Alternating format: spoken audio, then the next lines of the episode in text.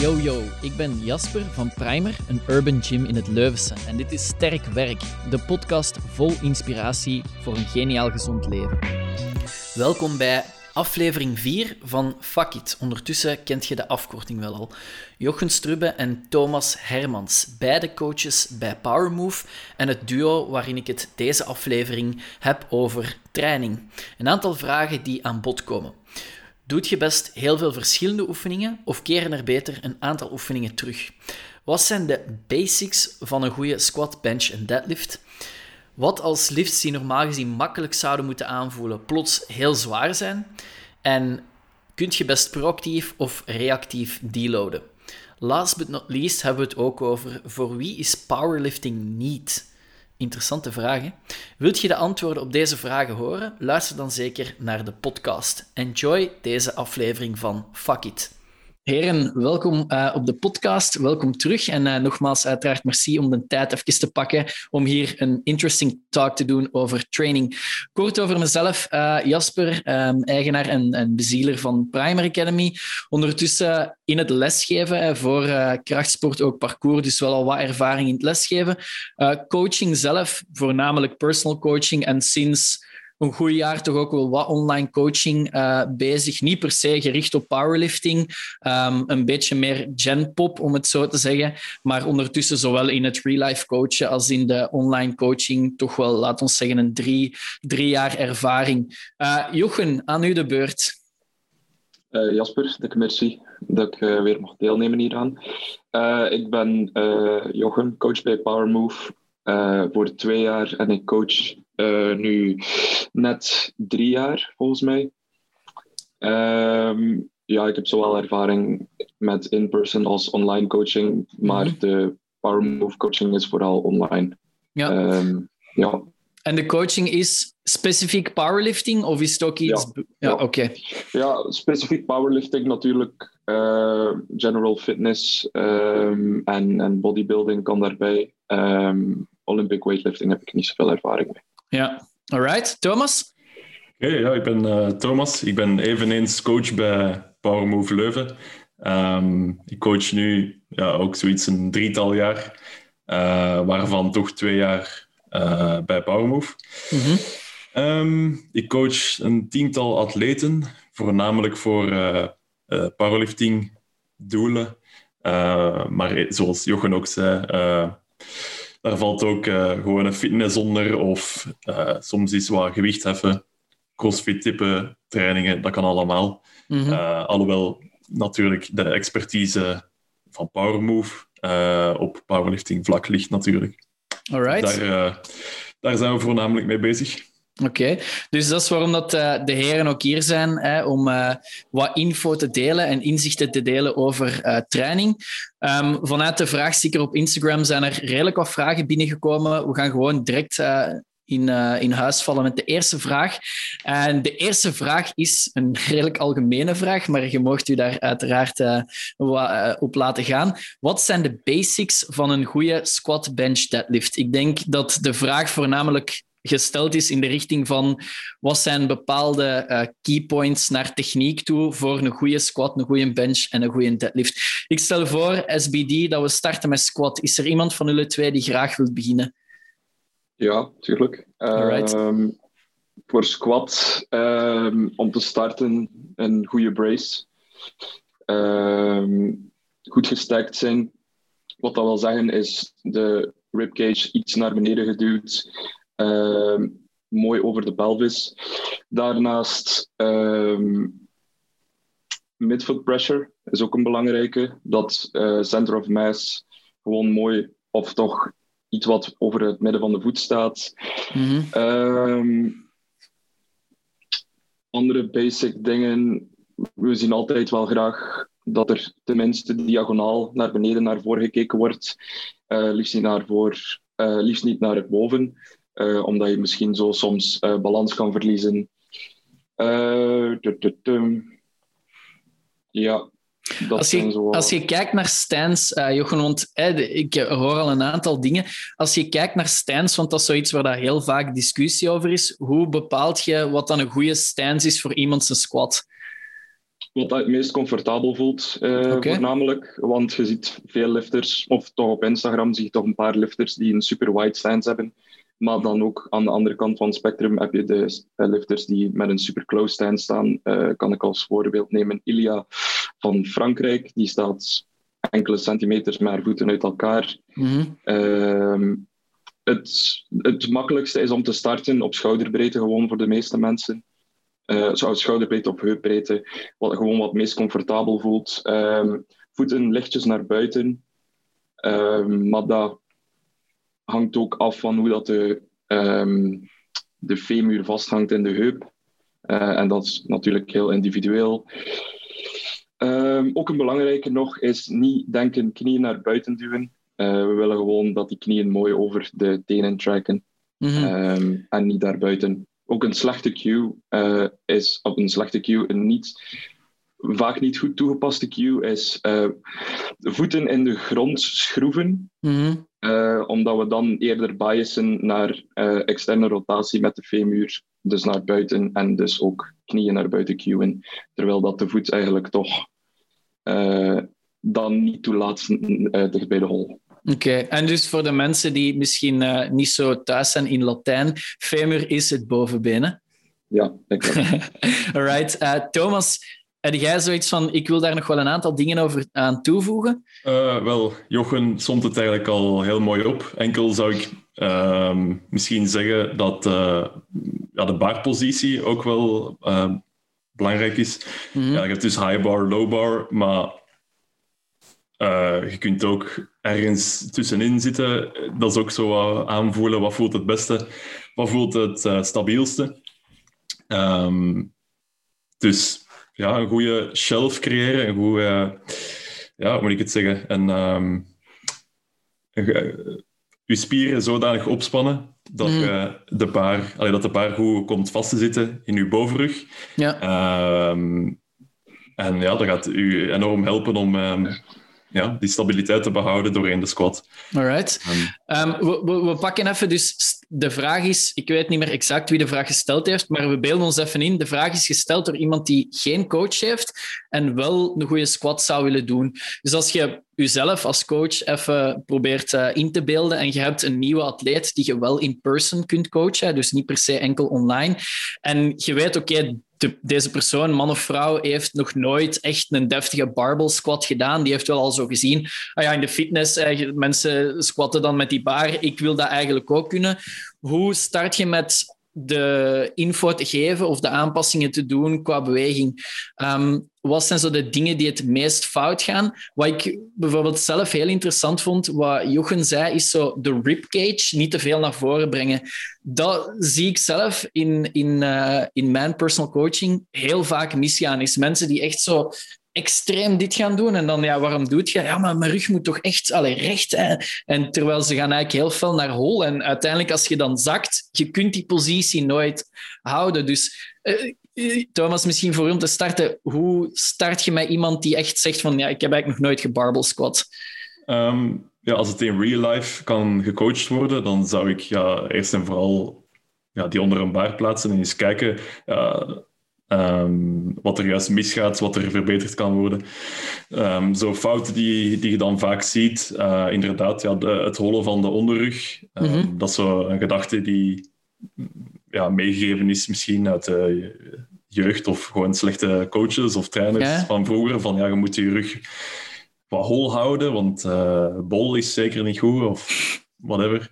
Um, als ik nadenk over vaak voorkomende fouten, ja, dat is een moeilijke, want er zijn zoveel dingen dat kunnen fout gaan. Ik denk uh, een, een gebrek aan stabiliteit overal is iets dat je wel veel ziet, maar dat is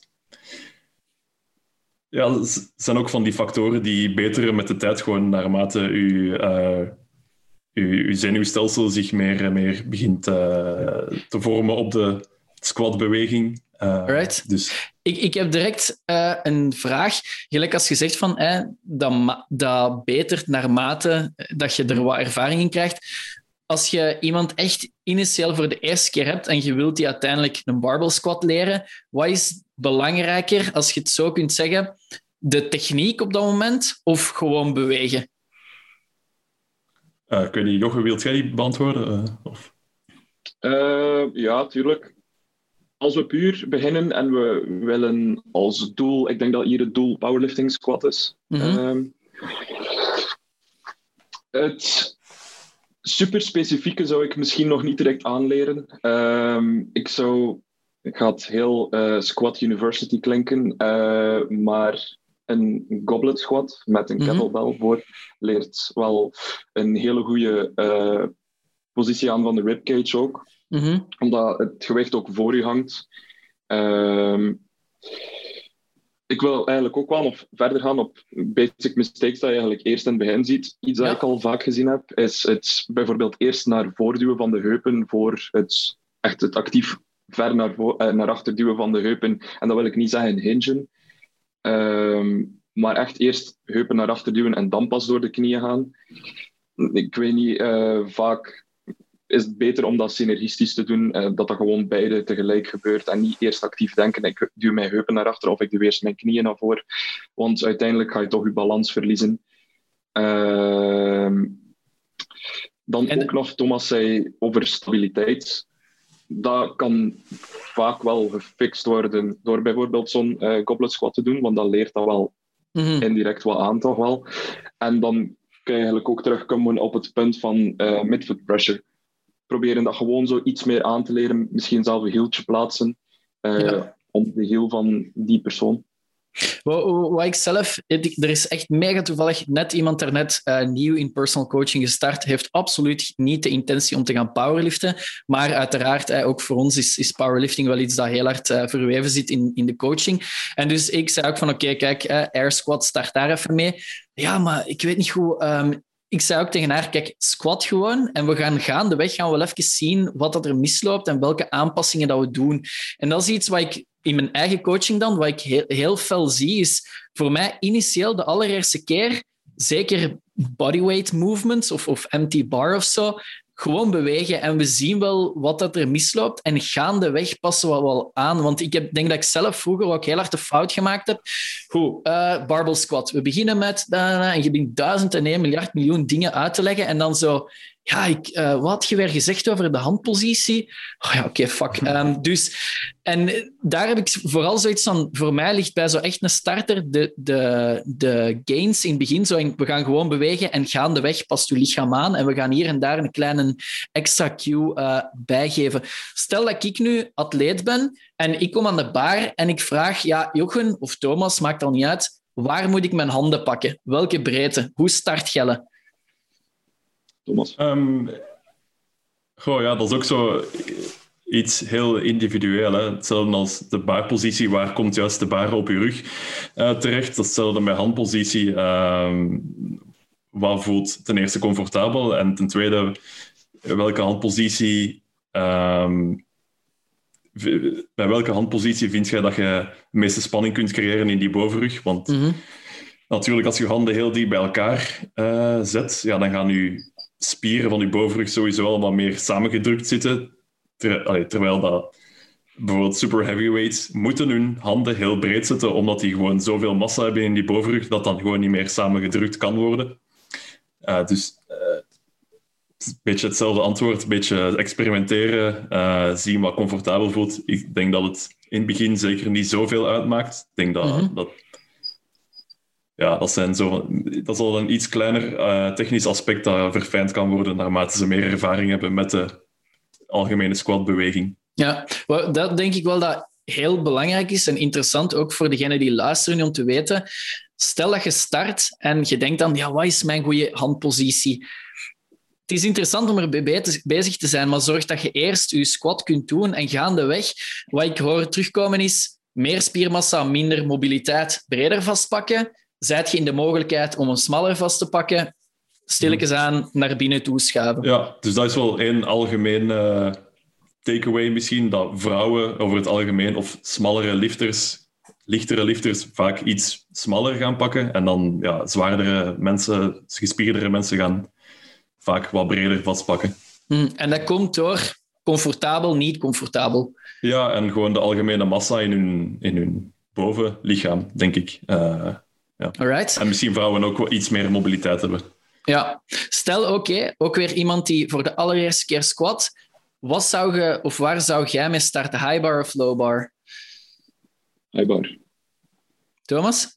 Ja, ik zou beginnen met high bar. Ja. Ehm, dat, is, dat ligt al dichter bij een goblet squat. Uh, Iets simpelere beweging. Uh, maar ja, er is gewoon minder technisch aan. Mm -hmm. Niet om te ja. zeggen dat het niet technisch is, maar het is ja, ik denk, minder ik denk complex. Voor, voilà, voor plaatsing van de bar dat je gewoon iets sneller vertrokken bent. De persoon in kwestie pakt vast, start met high bar en zegt ah, maar dat duwt op mijn nekwervel. Wat dan? Mm -hmm. Dan zegt het dat je iets lager moet liggen gewoon. Uh, want vaak zie je wel dat high bar zo genomen wordt als nekbar.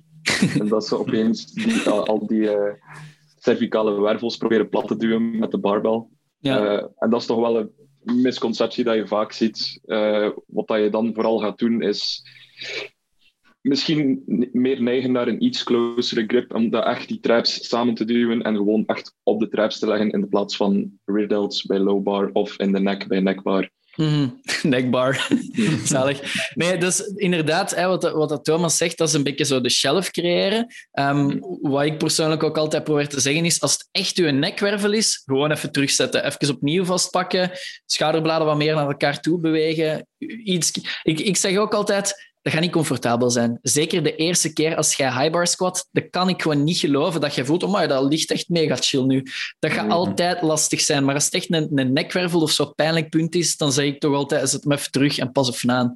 Ja, ik denk dat het ook uh, waardevol is om de bovenrug uh, toch wel wat bij te trainen. Ik denk, Mhm. powerlifters in het algemeen hebben nog wel een, uh, een schrik voor accessories. Dat is nu natuurlijk een heel ander topic, maar uh, er is heel wat te leren uit bodybuilding uh, bewegingen en bodybuilding trainingen. Um, waaronder het, het, opbouwen van de bovenrug, uh, de, de traps, de trapeziusspieren in het, in het mooie Latijn. De stierennek. voilà. Als je gewoon yoked bent, dan gaat alles veel beter voelen. Dus ja, train die, train die bovenrug, train die rear delts.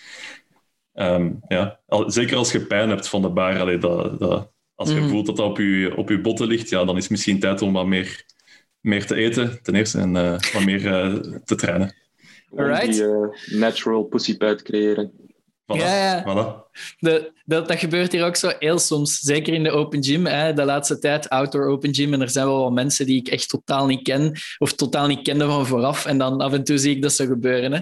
Zo de mm -hmm. hip thrust pad of de pussy pad op de bar. en dan, dan weet ik al, ja, oké. Okay. Natuurlijk altijd wel iets dat ook... Dat je gewoon wordt, zoals hij zei. In het begin is dat sowieso awkward. Dat doet pijn. Mm. En, maar dat is uiteindelijk hetzelfde met bijvoorbeeld... Uh, de hook grip of gewoon al mixed grip in het algemeen. Je gaat die Mm. calluses creëren. Um, en uiteindelijk ga je ook ruwere huid creëren op je rug, waardoor dat de bar comfortabel zal liggen. Mm. Ja, Oké. Okay. Dus we, we hebben... Zeg maar, Thomas. Nee, doe maar. Uh, ja, bij low bar heb je hetzelfde een beetje. Hè, dat je, als je daar juist mee begint en je pakt een heel ruwe bar, en, ik zeg nu maar een Ohio Power Bar of zo, met een heel scherpe nerding, ja, dan ga je soms wondjes krijgen zelfs op die plek, op die plek waar die uh, bar heeft gelegen. Ja. ja, na een tijd wordt die huid uh, ja, stroever of, of, of ja, sterker. Ja, ja. Eelt. Ja. Dus we hebben de bar uitgepakt. Hè. We zijn naar achter gewandeld. Nog niet te technisch. Het zijn onze eerste squats. Gewoon rustig naar achter gewandeld. En dan is het punt, oké, je gaat staan. Min of meer de stance waarop dat we zeggen van oké, okay, dit voelt precies wel comfortabel aan. En dan, Jochen, had jij het over dat je ongeveer gelijk breekt. Knieën en heupen ongeveer gelijk bewegen. Stel ja. dat je toch iemand ziet, uh, door wille van uh, ervaringsgebrek, die start heel fel in de knieën of net heel fel in de heupen. Mm -hmm. Wat doe je dan? Uh, supergoeie cue dat ik laatst gehoord had, was doen alsof dat je in een doos aan het squatten bent. Dat het eindpunt van je heupen en je knieën gewoon niet meer verder kunnen. Je moet gelijk naar beneden zakken. Uh, iets dat ik vaak meegeef bij mijn atleten als ik, als ik dat zie, uh, is denken dat er gelijkmatig aan de heupen en aan de knieën met touw gewoon naar buiten getrokken wordt. Uh, natuurlijk, dat is nooit perfect zo. Zelfs bij de beste lifters is dat niet zo perfect, maar dat is gewoon een mooi doel om naartoe te streven, of om te beginnen tenminste. Mm. Um, wat, is het probleem als iemand toch heel fel in de knieën of in de heup eerst zou starten? Balans verliezen vooral. Dat we okay. um, ehm, vaak gaan zien is dat depth dan een moeilijk probleem zal zijn, vaak mm bij je knieën, uh, die te ver naar, of die te snel naar voren komen. Um, want uiteindelijk ga jij moeten biasen naar de richting van bijvoorbeeld een bedwing, wat dat op zich niet erg is.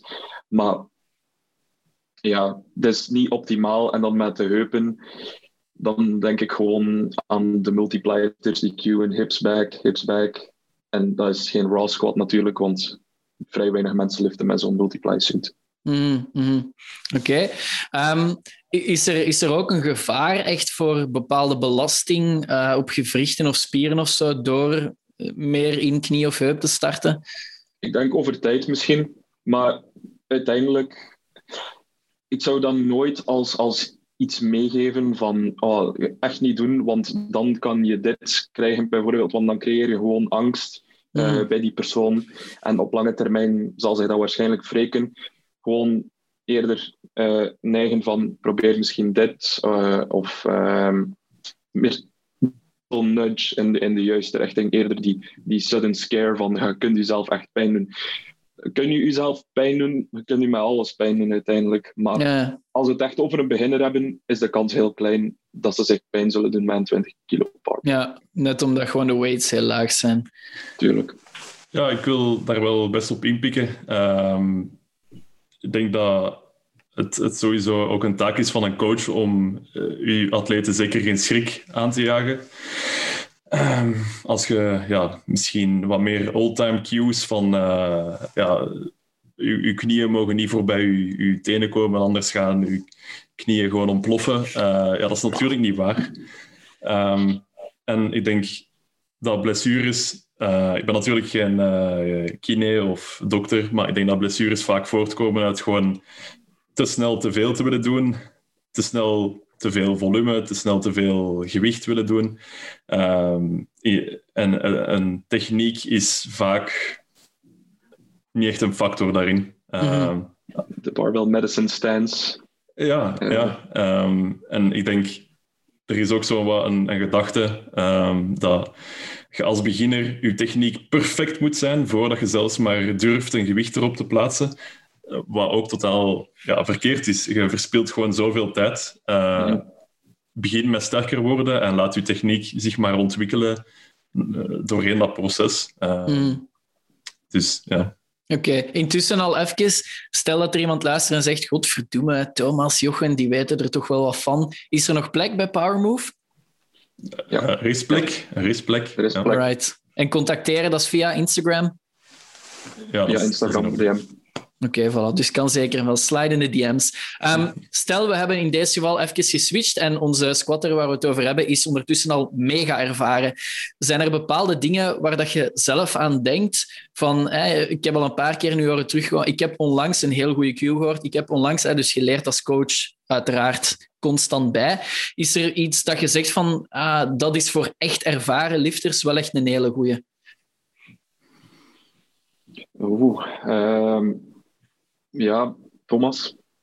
Oh, ik denk dat eens dat je dat, dat level bereikt, dat het gewoon uh, om heel kleine dingen gaat. Uh, ja, bijna dingen dat je niet kunt waarnemen. Hè. Allee, een bepaald, uh, bepaalde manier van bracen of zo. Of mm-hmm. juist een kleine tweak in techniek. Maar ik denk dat er, eens dat je dat level behaalt van ervaren lifter, um, dan, dan zet je, zet je vrij goed af, denk ik. Um, ja. Ik denk dat je ook als coach, als je bijvoorbeeld uh, iemand heel ervaren uh, met u wilt samenwerken, dan moet je daar ook niet te veel meer aan gaan sleutelen, aan die zijn mm. techniek. Laat die maar gewoon wat doen. Die is lang bezig. Die heeft... Ja, het is gewoon niet altijd nodig om van alles te veranderen. Als het mm. niet volgens het theoretische plaatje klopt. Ja, daar ga ik sowieso mee akkoord. If it ain't broke, why fix it? Uiteindelijk. Uh, maar dan aan de andere kant heb je ook wel ervaren lifters die hun techniek over tijd ook veranderen. Uh, maar dat is bij iedereen zo, dat je altijd zo wel iets nieuws in je hoofd hebt opeens, zo'n internal cue of zo, zo want misschien iets meer denken aan mijn adductoren activeren of zo. Dat is iets dat Mike de uh, bij, uh, bijvoorbeeld aan denkt tijdens zijn squats. Maar ja, als de techniek zit, zoals Thomas zei, zie ik ook geen reden om dat te veranderen uiteindelijk. Mm. Alright. Um, als we doorgaan naar de bench. Um, beetje hetzelfde verhaal. Iemand die nog geen ervaring heeft. Wat zijn zo de dingen waar dat je mee start? Hoe kun je een basic setup voor, voor een barbell bench uitleggen of benaderen? Um, ik zal deze even nemen. Yes.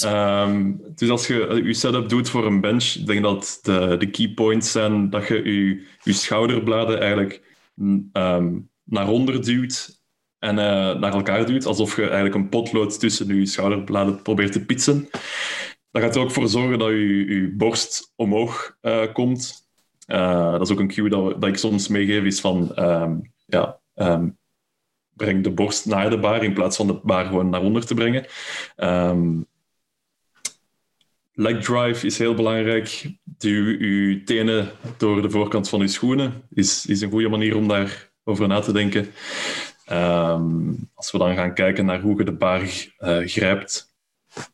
Um, ja, uh, probeer die kapot te knijpen gewoon. Uh, zet daar heel veel spanning op. Ja. Wat ik bijvoorbeeld zelf zo, zo crazy vind, is way back, eh, ondertussen ben ik nu 29, pak dat ik mij echt met fitnessen begonnen ben als ik 16 ben, dus meer dan 10 jaar geleden, wanneer er ook best wel wat kennis was over, over strength training. Dat is een van de dingen waarvan ik denk, nooit heeft iemand tegen mij gezegd, tot op echt powerlifting level, nooit heeft iemand tegen mij gezegd, als je bencht, breng je schouderbladen samen. Terwijl, wat de situatie ook is bij ons, of dat dan nu powerlifting is of uh, personal coaching, of dat is een groepsles waarin gewoon een bench dat is echt een van de meest basic dingen die sowieso altijd gebeuren. Puur omwille van veiligheid en een sterke, stabiele positie krijgen. En dat is zoiets waarvan ik denk, oké, zelfs een, een bodybuilder-style bench, nooit heeft iemand tegen mij gezegd, breng je schouderbladen samen. Dus dat was gewoon altijd op die manier. De, dat is al, allez, enkel die cue al, denk ik, dat, dat echt wonderen doet voor, voor heel veel mensen. Ja, absoluut. Uh, Jochen, nog iets dat je wilt aanvullen daar, uh, daarbij? Uh, ja, misschien specifiek over leg drive. Mm Omdat je vaak hoort mensen die zeggen: span je glutes op.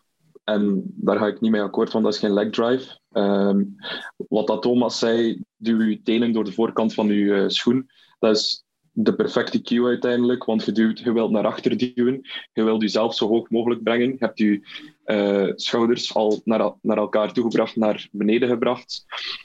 Die base gewoon van jezelf naar achter te duwen, je creëert gewoon die hoge, dat hoogpunt. Uh, en ook constant aanhouden. Er is geen punt waarop dat je meer zou moeten duwen dan een ander leg drive begint en leg drive stopt wanneer dat gedaan is. Uh, altijd 100%. Nu, je ziet wel bij lifters die uh, zo aan sink en heave style hebben, zoals Steve, uh, dat die zo echt duwen met hun benen wanneer dat de bar de borst moet verlaten uiteindelijk. maar dat is dan een uitzondering van die mm. regel, zou ik eerder zeggen. Oh, wat ik ook vooral denk is zo, als ik hier bij ons stel, we geven een groepsles en er is acht man tegelijk aan, aan benchen of vier man tegelijk of whatever, dan zie je zo ook heel duidelijk zo wat ik noem dancing feet. Zo degene die zo in hun bench zo ta ta ta ta zo is van een die aan het doen zijn. Eh, eh, we hebben het nu over leg drive, maar ik denk dat dat hoort misschien ook onder leg drive. Want mensen denken misschien vaak aan leg drive. Oh ja, dat is echt duwen met je been. En echt, zoals gezegd, op het moment dat de baar vertrekt. Maar uiteindelijk gaat het bijna ook 100% over stabiliteit en een sterke positie creëren met je onderlichaam. Tuurlijk, die basis is super belangrijk. Uh, en nog iets waar ik net op kom is, uh, omdat ik sink en heave, is bijvoorbeeld een touch-stijl. Maar dan verkies ik voor de meeste lifters toch liever een soft touch, omdat dat consistenter is. er is meer spanning gecreëerd naar de borst toe. Ehm, maar dat hoeft niet per se een t-shirt touch te zijn of zo. Ik wil gewoon zeggen, niet te veel in de borst zinken, mm want vaak is dat moeilijk om te recreëren van rep tot rep. Mm.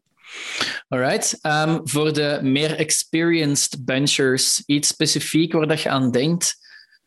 Oh, ik denk uh, dat eens dat je meer experienced wordt, dat je meer en meer focus kunt beginnen leggen op je arch. Dat je kunt je gaan richten op echt een extreme arch te proberen creëren.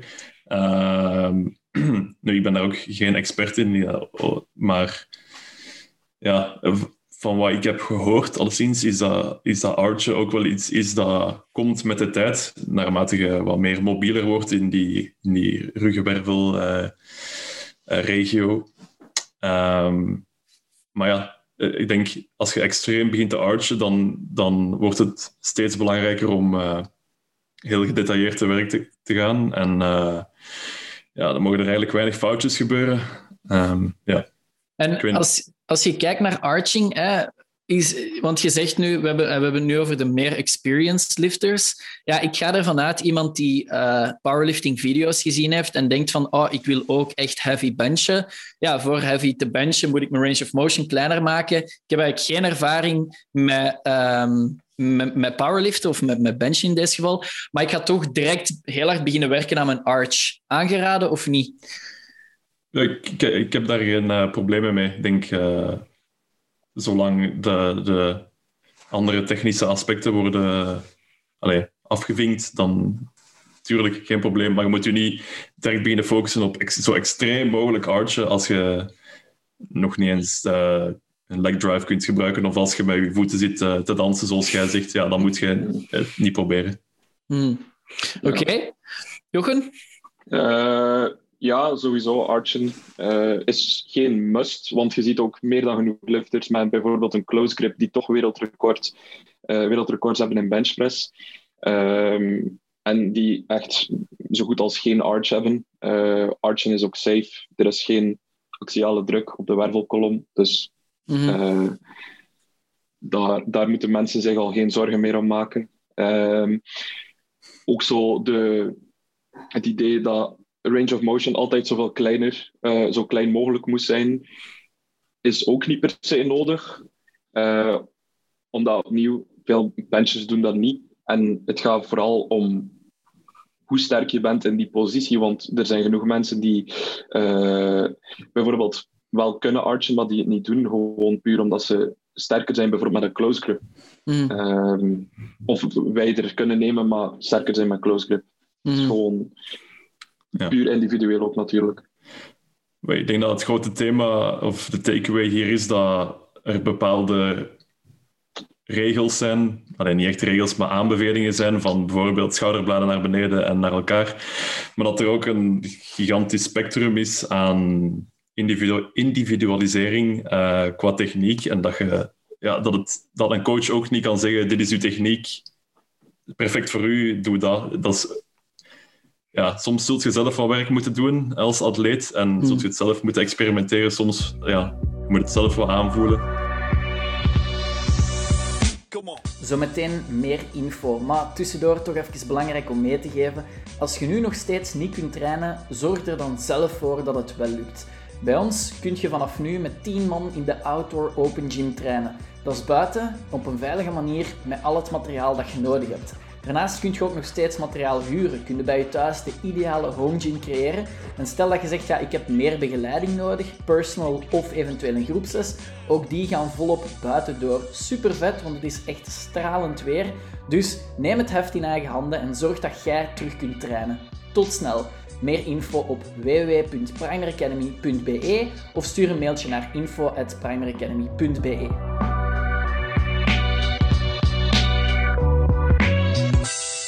Als we dan naar de deadlift overgaan, een beetje hetzelfde idee. We starten met een beginner um, die nog nooit gedeadlift heeft. Uh, ik ga direct starten.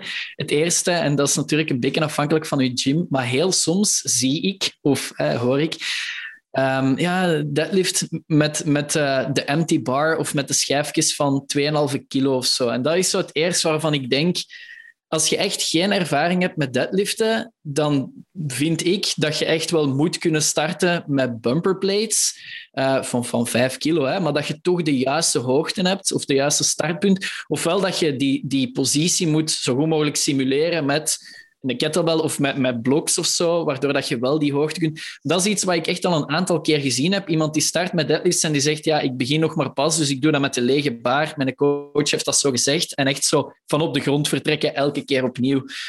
Daarvan denk ik ook van, ja, het eerste punt voor mij is wel dat je baar toch de juiste hoogte heeft om, om van te starten.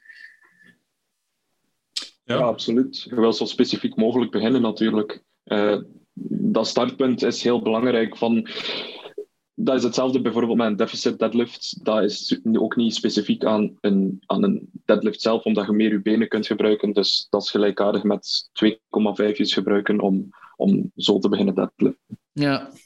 Um, stel dat er iemand toch de juiste hoogte heeft, bumper plates of welke setup ook. Wat zijn zo de, de eerste dingen om naar te kijken bij een deadlift voor iemand die echt start?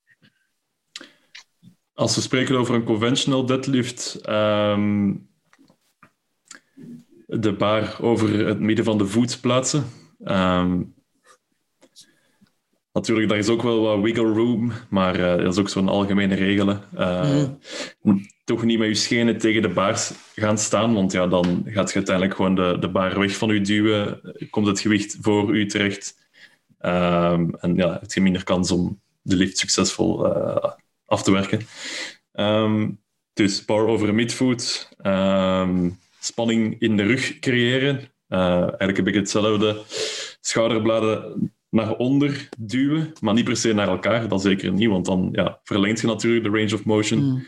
Um, je dat ook wel soms wordt meegeven, is lange armen maken. Uh, ja, dat zijn Jochen. Uh.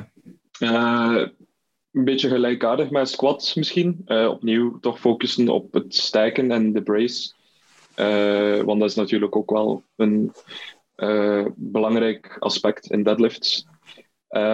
want nog focussen dat de knieën niet te veel naar voren komen, zoals Thomas zei, niet direct de baard tegen je scheen houden. Ehm, maar dan ook het niet vinden om je knieën iets over de bar te hebben. Hmm. Want uh, uiteindelijk, leg drive is ook nog altijd heel belangrijk in deadlift. Deadlift is niet enkel trekken, dat is ook duwen vooral. Hmm. Niet hmm. enkel bij sumo, ook bij conventional. Uh, ja, dat is ook een goed startpunt, leren duwen uh, uit de grond. En ja, zo verder mm. trekken uiteindelijk. Je wil um, starten met, met, met pull. Je wil zoveel mogelijk starten met een push. Ja, oké. Okay. Uh, rugpositie, perfect recht. Beetje bol, beetje hol. Uh, hangt af van persoon tot persoon. Uh, als het natuurlijk, uh, ik weet niet of jullie gezien hebben, Wormchat op, op Instagram, zo een belachelijk kromme rug, dat gaan we mm. niet toelaten natuurlijk. Mm. Je wilt altijd wel iets wat neutraal blijven. Ook al heeft dat niet zoveel impact natuurlijk. In de onderrug is dat anders. Ik heb het vooral over de bovenrug natuurlijk. Mm het belangrijkste is gewoon dat de rug niet verder kromt tijdens de lift.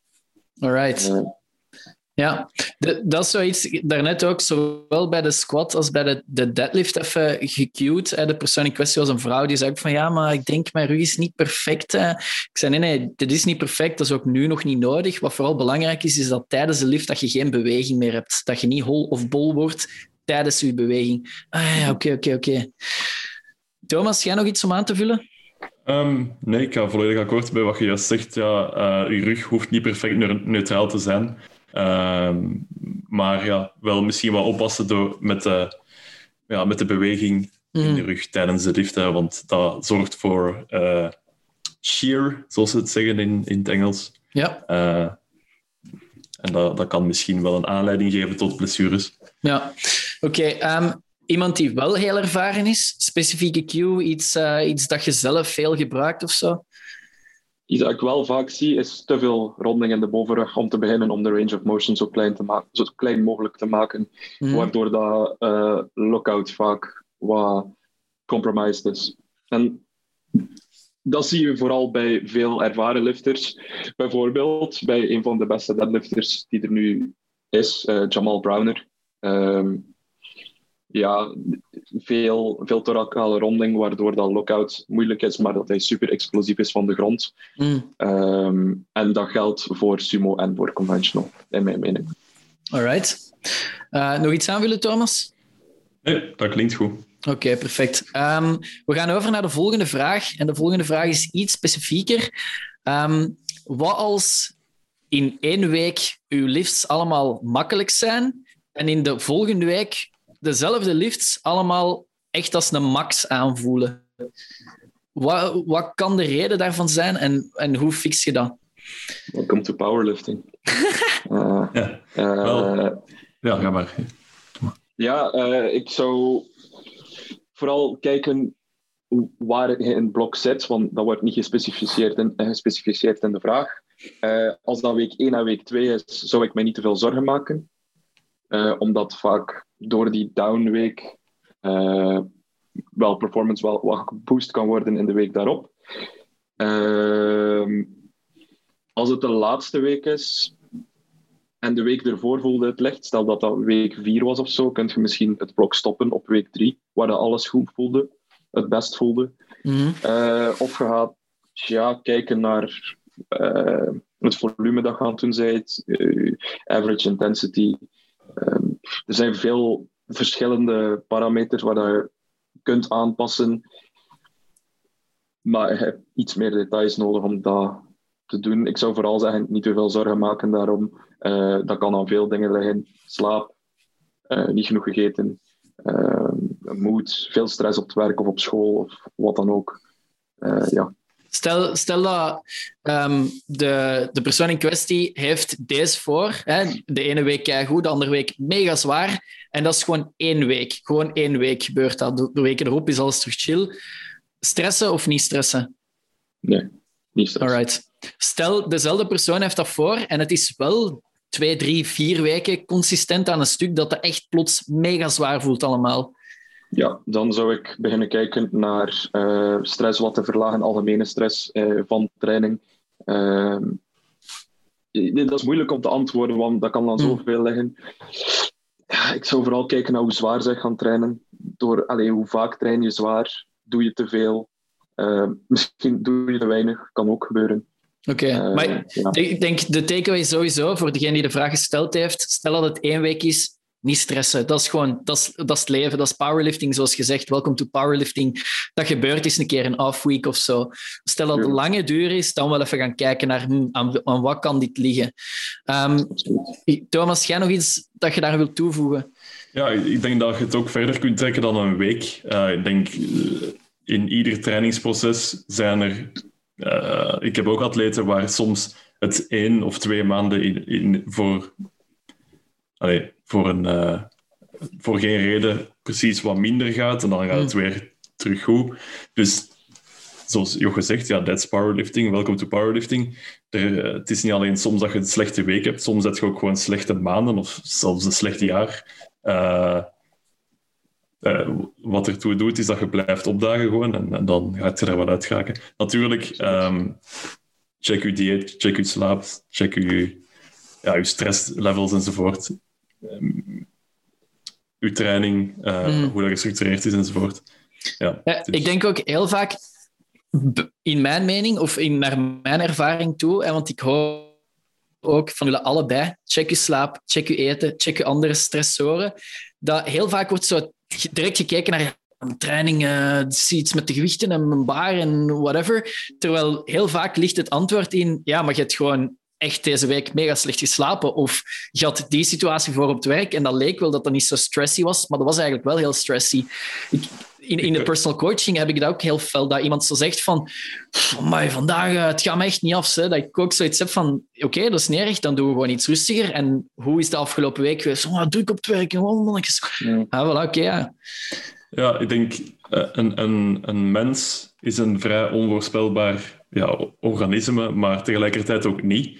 Uh, slaap, dieet enzovoort, dat zijn dingen dat, als dat consistent blijft, dan haalt je sowieso al een grote bron van, uh, hoe moet ik het zeggen, twijfel weg. Mm. Nog één dat ik ga toevoegen is gewoon je algemene activiteit door in de dag. Als je één week aan het verhuizen bent, en je, gaat van 1000 stappen per dag naar 15.000 stappen per dag. En ja, dan natuurlijk gaan je trainingen daaronder lijden. Allee, uh, Wat ik ook zag uit, uh, in het begin van de lockdowns dan vorig jaar, is dat mensen gingen van een vrij actief leven, hè, zetten misschien 5000 stappen per dag, naar gewoon een paar honderdtal, omdat ze mhm. gewoon binnen zitten. Ja, dan waren er ook wel een paar die zich afvroegen van, hè, training gaat ineens slecht. Ik voel mij veel minder fit, en terwijl ik gewoon kan blijven verder trainen. In een mhm. home gym dan bijvoorbeeld. Ja, dan is het vrij snel, uh, is de conclusie vrij snel genomen dat het ja, komt doordat je gewoon niet meer beweegt. Mm Buiten training. Ja, ik denk dat dat ook belangrijk is dat, dat je als atleet, als je dat voor hebt, dat je eerlijk kan zijn met jezelf en introspectief bent uiteindelijk. Kijk in jezelf, kijk wat dat jij al gedaan hebt, niet per se steken op het programma of um, op de coach of zo. Uh, mm -hmm. Want dat zie je ook wel vaak.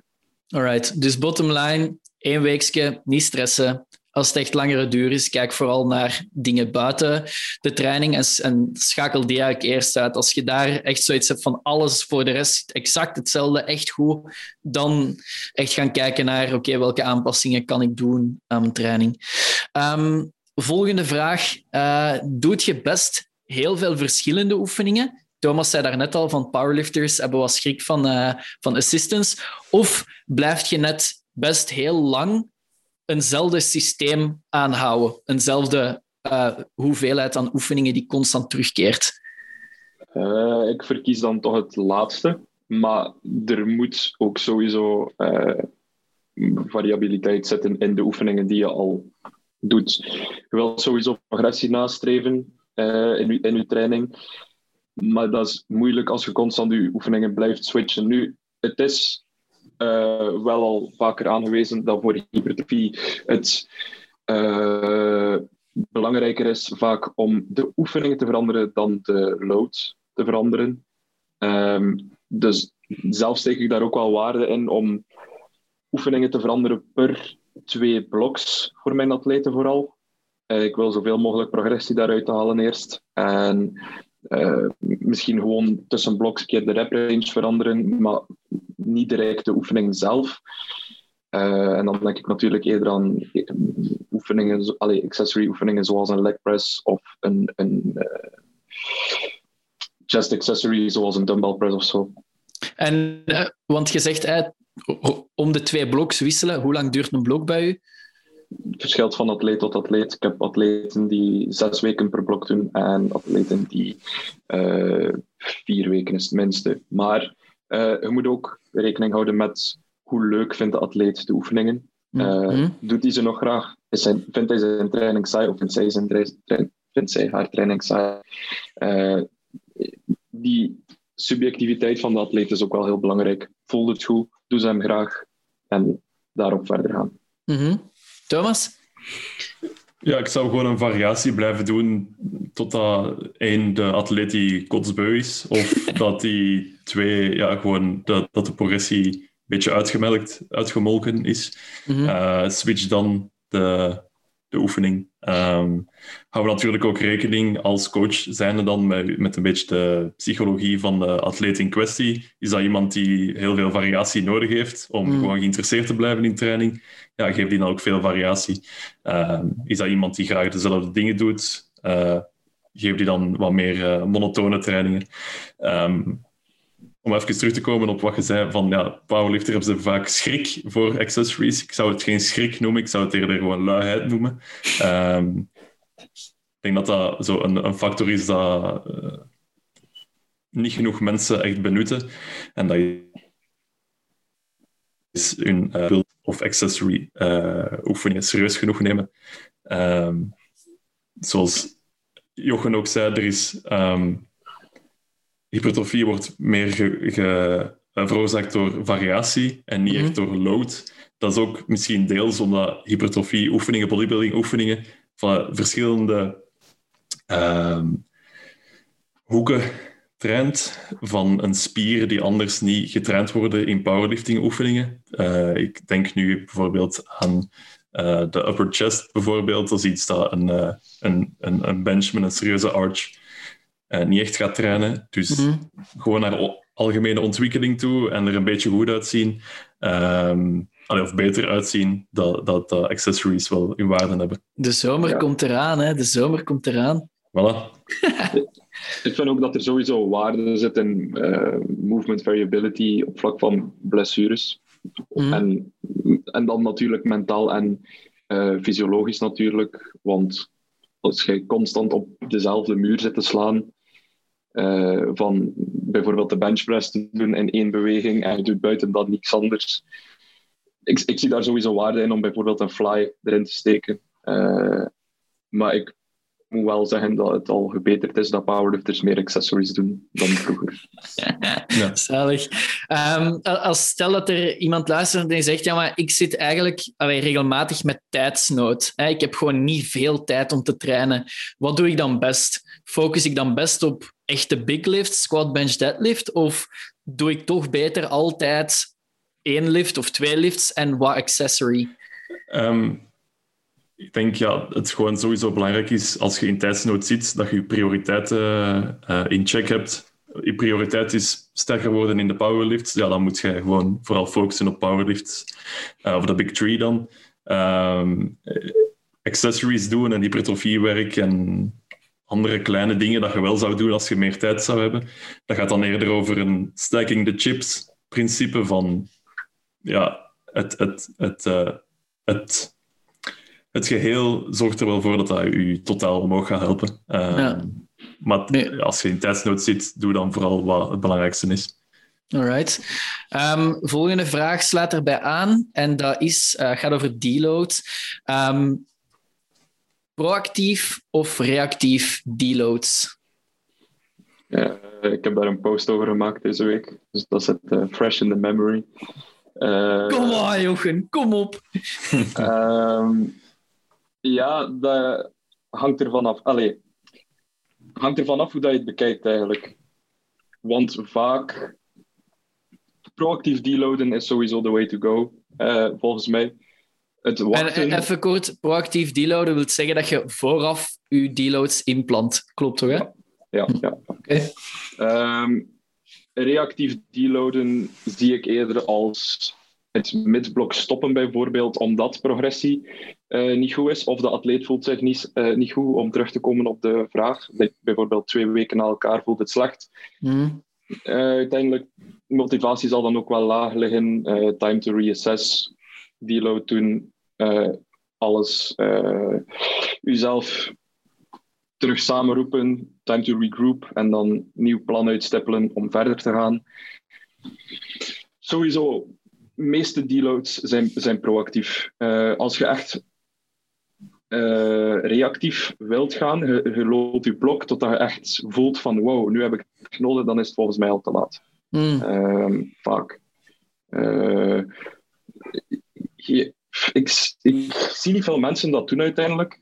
nu, RTS heeft wel het, het zit in de naam Reactive Training Systems. Uh, het principe van een open blok te doen om dan te zien waar dat je progressie stopt en dan dat te herhalen voor bloks die verder komen, maar dat is uiteindelijk ook nog altijd een proactief principe. Mm. Um, ik was aan het denken aan, aan een vergelijking en dat gaat compleet stoem klinken, maar dus op het moment van opname vandaag gaan de terrassen terug open. En ik was aan het denken, eigenlijk is zo proactief en reactief deload, dat is een klein beetje gelijk water drinken als je alcohol aan het drinken bent. Je, je hebt mensen die zeggen op een bepaald moment van wow, nu begin ik het echt te voelen, ik ga stoppen. En zoals Jochen zegt, dan is het eigenlijk te laat. Je bent al te zat op dat moment. Als je op voorhand beslist van oké, ik ga anders over tijd, ga ik, ga ik voldoende water drinken, dan heb je dat eigenlijk veel, veel beter in de hand. Ik was even met mijn hoofd eh, nog niet bij de terrassen en alcohol, maar ik dacht, what the fuck, dat, dat klopt wel zo van... Op het moment dat je het echt voelt, gedronken hebben of gewoon echt, echt rundown van training, waarschijnlijk is het inderdaad te laat. Ja, inderdaad. Thomas? Ja. Ehm, hoe ik het vaak aanpak, is dat uh, als ik bijvoorbeeld een nieuwe atleet begin te coachen, is dat we de eerste blok of de eerste blokken wat meer reactief gaan deloaden. Is gaan mhm. testen van ja, hoe lang um, kunnen die blokken zijn voor deze atleet. Wat, wat, wat vindt hij zelf leuk? Um, dat kan drie weken zijn, dat kan vijf weken zijn. zes weken, whatever.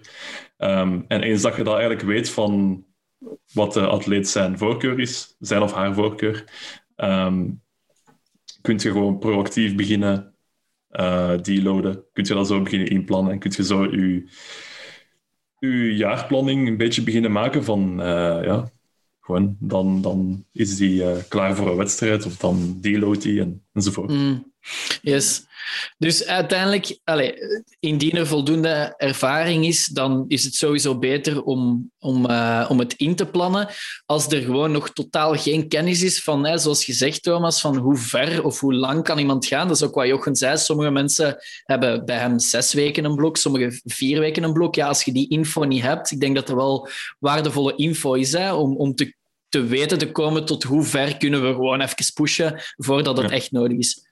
Ja, want je moet ook onthouden dat um, bijvoorbeeld de, als je twee mensen vergelijkt, één uh, traint drie weken en deloadt de vierde week, tegenover mm -hmm. iemand die zes weken traint en één week deloadt, ja, degene die zes weken traint, um, ja, die heeft in een heel jaar wel redelijk wat meer trainings, uh, ja, effectieve trainingstijd, om het zo ja, te verwoorden. Um, dus ja, het, het zou verspilling zijn als je die persoon die zes weken kan trainen of moet trainen, dat je die dat op voorhand al afpakt van nee, ja. drie, drie weken trainen en één week deload is hoe we het doen en dat is mijn systeem. Ja, dan neemt je die misschien heel wat waardevolle trainingstijd af. Dat is, wel, dat is wel waar, want hoe ik zelf programmeer voor de meesten, nu bij ons, allee, er is niemand die echt, echt in mijn online coaching zegt van ik wil echt high-level powerlifting wedstrijd doen. Er zijn wel voldoende mensen die zeggen mijn doel is wel echt om sterker te worden en dat is wel op een bepaald, bepaalde manier wel uh, high-level uh, powerlifting. En wat ik daar ook wel, ik, nu dat je dat vertelt, ik pak standaard vier weken opbouwen en dan de vijfde week deload. Dat is zo wat ik standaard neem. Maar wat, wat je nu wel spike bij mij is, maar eigenlijk dat is niet voor iedereen zo. Wat ik wel moet zeggen, is ik heb bijvoorbeeld een koppel die allebei powerliften. Um, en dus ze doen allebei vier weken op de vijfde week deload. En voor hem is die deload week veel um, ja, rustiger ten opzichte van de training. Terwijl voor haar is die deload week ook wel rustiger. Maar dat is wel iets intenser, omdat ik wel aanvoel dat hij, ja, ondertussen is, is boven de 150 kilo aan deadliften. Die heeft echt wel een deload nodig op dat moment. Terwijl zij uh, deadlift nu rond de 100 kilo. Ja, het is niet zo dat in die deload week dat, dat we echt naar 50 kilo moeten, moeten gaan voor die deadlift of zo. Dat is hoe ik het aanvoel. Hè? Ja. Ja, ik zeg ook zeker niet dat een deload verspilde trainingstijd is. Uh, dat zeker niet, hè, maar dat is essentieel ook. Hè? Allee, de, je moet ergens uh, een punt hebben waar je wat de kans hebt om te herstellen van harde ja. training. Alleen verschillen mensen in, uh, in hoeveel trainingsvolume ze, of ze kunnen uh, verwerken of mm. hoe lange termijn ze kunnen trainen. Ja. Nee, oké. Okay. Uh, wat jij zei, Jasper, over het verschil tussen deloads. Uh, ja, dat, dat, is ook vaak zo. Gewoon uh, dat bijvoorbeeld novices die iets minder uh, soort van deload nodig hebben, iets chillere deload om het zo te zeggen. Eigenlijk vooral een drop in, uh, in intensiteit, dat je dat volume wat kan blijven uh, ride the waves, om, om het zo te zeggen. Mm -hmm. Dat wat kunt verder doen. en daar is bijvoorbeeld misschien een principe van wave loading wel handig. en bij, natuurlijk bij meer advanced atleten ga je diepere deloads nodig hebben van 30 tot 50 procent in volume drop en kleinere drop in intensiteit om die kracht of die expressie van kracht zo hoog mogelijk te kunnen houden. Ja. En uh, wat dat Thomas zei over het bepalen van bloklengte, dat is ook iets wat ik zelf doe en ik vind dat een hele goede takeaway uit Emerging Strategies uh, van, van RTS. Vind ik mm. heel handig ook. Oké. Okay. Um, we zijn stilletjes aan richting uh, het één uur timecap aan het komen. We gaan de allerlaatste vraag uh, er nog even bij nemen. En dat is ook een, allez, een heel specifieke vraag. Ik denk niet dat het antwoord super gemakkelijk is. De vraag is, voor wie is powerlifting niet geschikt? Oh, ik zal beginnen. Ik denk, het eerste waar ik aan denk is, je moet wel een bepaalde persoonlijkheid hebben of willen bouwen dat je redelijk lang uh, consistent kunt opdagen, door saaie periodes heen kunt uh, trainen, kunt blijven verder gaan. Um, als je schrik hebt van uitdagingen, ja, dan is het waarschijnlijk ook niet echt voor u. Je gaat soms gewichten uh, op de bar moeten steken als je progressie wilt maken, dat, dat je toch wel bang maken, dat, mm -hmm. waar je echt schrik van hebt. Allee, ik ben de eerste om dat toe te geven, dat, dat je soms onder een squat kruipt, dat je denkt van, ja... Ga ik hier nog recht ik wil, ik wil naar huis. Ik wil echt in mijn mama haar armen gaan beginnen wenen. Gewoon.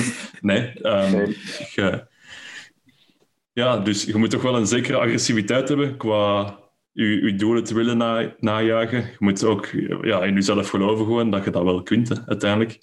Mm -hmm. Want je moet niet aan een lief beginnen als je niet denkt van... Ja, ja. Hier, hier, hier, volbrengen, hoe, hoe dan ook. Ik, ik heb, dit is niet falen. Ik heb daar een, een mega concreet voorbeeld uh, voor. Hier al twee keer gebeurd ondertussen met dezelfde persoon. En uiteraard ook gewoon rustig aangepakt. Benchpress. En um, ja, het was richting uh, one repetition max. Um, als in, er was zeker nog marge, maar het waren wel de heavier weights. En echt zo, ik merkte gewoon heel hard bij het uitheffen op voorhand al. De persoon in kwestie had eigenlijk al beslist nee, deze lukt mij niet. En dus die start met de bench en ik zie super duidelijk van, ja, dat gaat gewoon mega vlot. Maar terwijl dat hij bezig is, begint hij gewoon te zeggen nee, nee, nee, nee, nee. En dus up, scheef naar de ene kant scheef. En gewoon twee keer uh, op een andere moment, in een andere blok, twee keer dezelfde dingen. En gewoon zo gewoon... Kijk, we gaan die lift gewoon opnieuw doen. Je gaat exact hetzelfde doen, maar je gaat gewoon niet zeggen nee, nee, nee. Je gaat hem gewoon doen. En twee keer gewoon zo... Baf. Dus dat is wel iets waarvan ik denk dat... Allez, je moet inderdaad qua mindset op voorhand wel beslist hebben. Ja, ik ga deze gewoon keihard knallen. Ja, en als ik daar nog iets uh, bij mag toevoegen, denk dat de fysieke capaciteiten van iemand, uh, niet om te melig te doen of zo, maar de fysieke, cap fysieke cap capaciteiten lopen vaak voort op de mentale capaciteiten. Mm -hmm. Dus vaak, ik heb al vaak voor dat ik kan zo een concreet verhaal vertellen. Dus ik, ik begon met powerliften en ik ging mij inschrijven in Luibeke toen bij Orhan Bidekan. Mm -hmm. het meeste dat ik ooit gesquat had, uh, was 190 kilo. En ik dacht echt, 200 kilo, dat ga ik misschien nooit kunnen. Dat, dat, is, dat, is, niet, dat is over een jaar of zo. Op die training heb ik 195 kilo voor vier reps gedaan. Uh, simpelweg omdat Oron achter mij stond en die zei: Je gaat deze gewicht doen voor een single. En ik deed één single.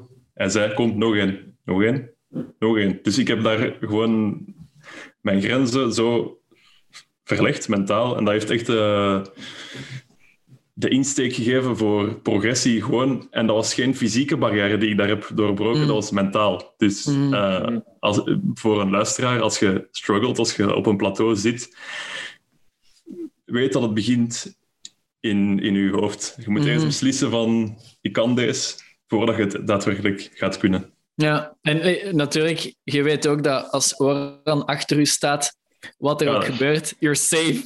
Ja, nee, ik, ga, ik ging hem ook niet teleurstellen. Dat ah, nee, ging niet gebeuren.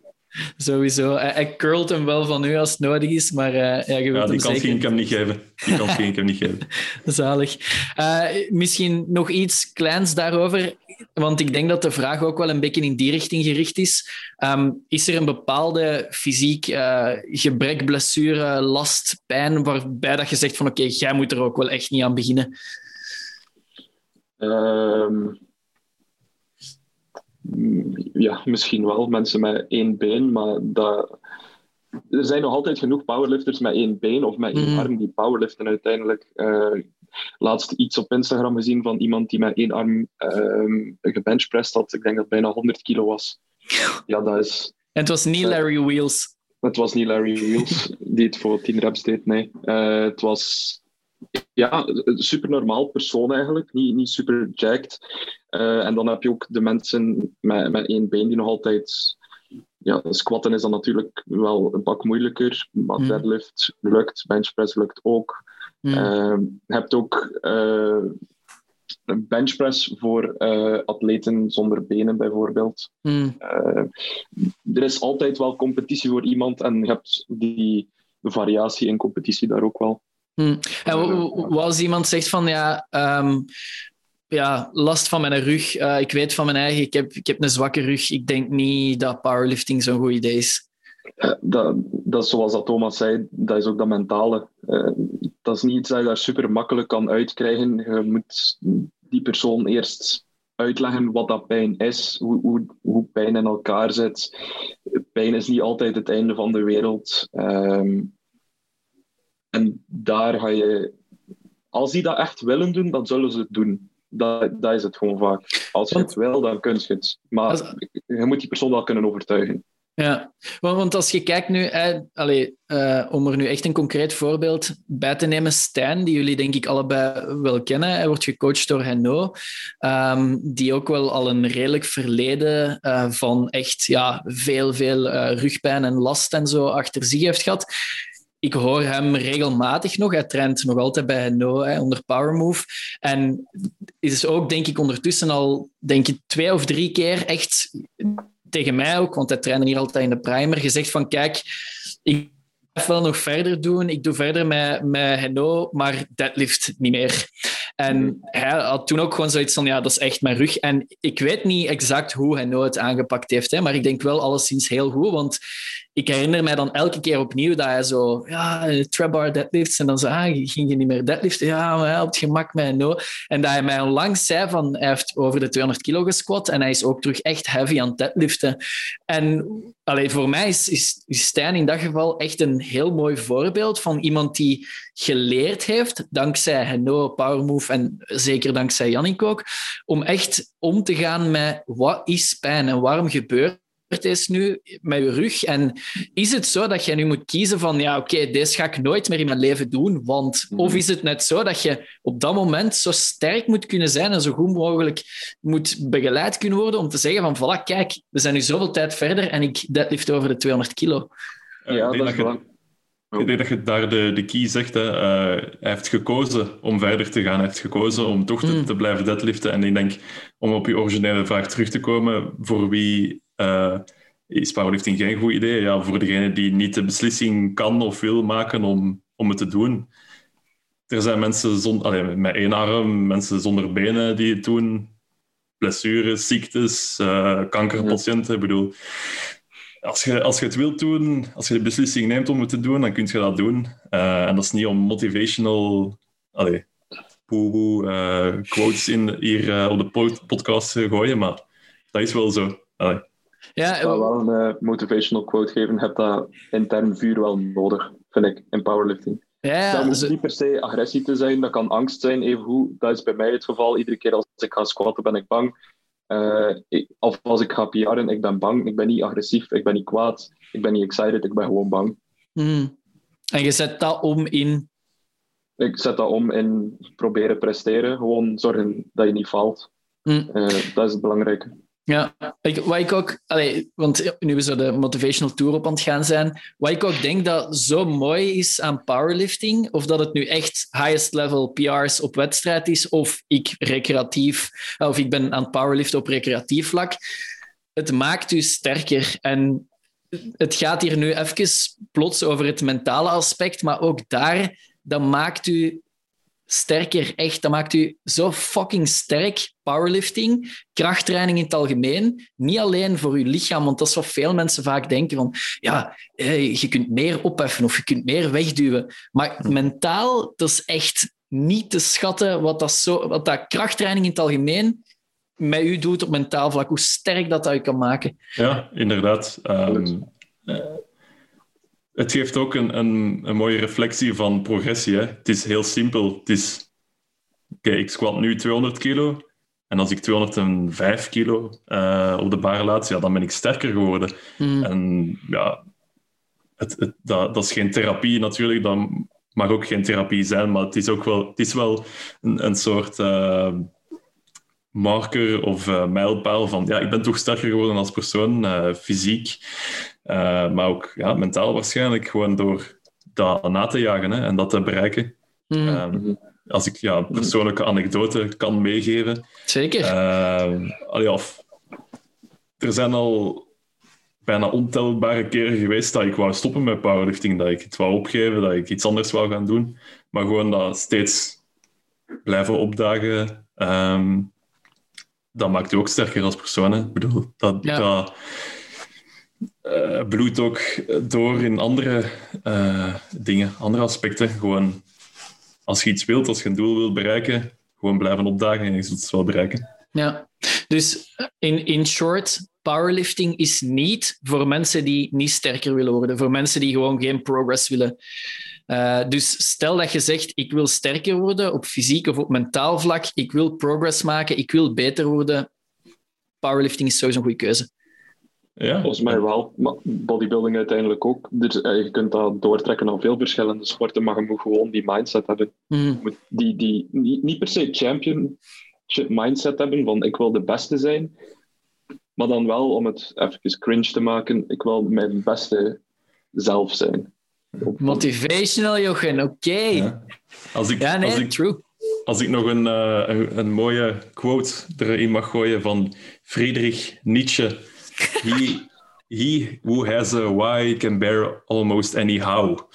Dus eh, daar komt het op neer. Als je Alright. de waarom hebt in je hoofd, dan zult je wel een eh, manier vinden om het te bereiken. Sowieso, sowieso. Alright, goed. We hebben onze waarom en onze hoe gevonden. Dikke merci voor de geweldige inspiring talks en voor de ja, interesting talks vooral. Ehm, nog even om te eindigen, geef even gewoon uw persoonlijke eh, Instagram mee, hoe dat mensen u zouden kunnen contacteren. En stel dat ze echt interesse hebben in coaching bij u of bij Powermove in het algemeen, hoe dat ze daar terecht kunnen. Jochen? Eh, bij Powermove gewoon at Powermove en Mhm. voor mij at Jochen Strubbe aan elkaar. Right, Thomas? Ja, ja, hetzelfde natuurlijk. At Powermove Leuven. En eh persoonlijke account is at Thomas underscore Powermove. Dus als je coaching wilt of hulp of vragen wilt stellen, stuur gerust. Eh, dat is gratis. Alleszins in het begin. Ja. Nou, op- is het 15 euro per vraag. en dan begint het op te lopen, hè? Ja, ja, ja. Expon- exponentieel, ja. Sowieso. Oké, guys, dikke merci. Eh, en we zien elkaar snel, hè. Ja, Yes. merci man. Ciao. Hey, ook. Hoi. Merci voor het luisteren. Dit was Sterk Werk, de podcast van Primer. Als je hem goed vindt, laat dan zeker even iets weten. Je doet ons echt een geweldig plezier door te subscriben en een rating achter te laten.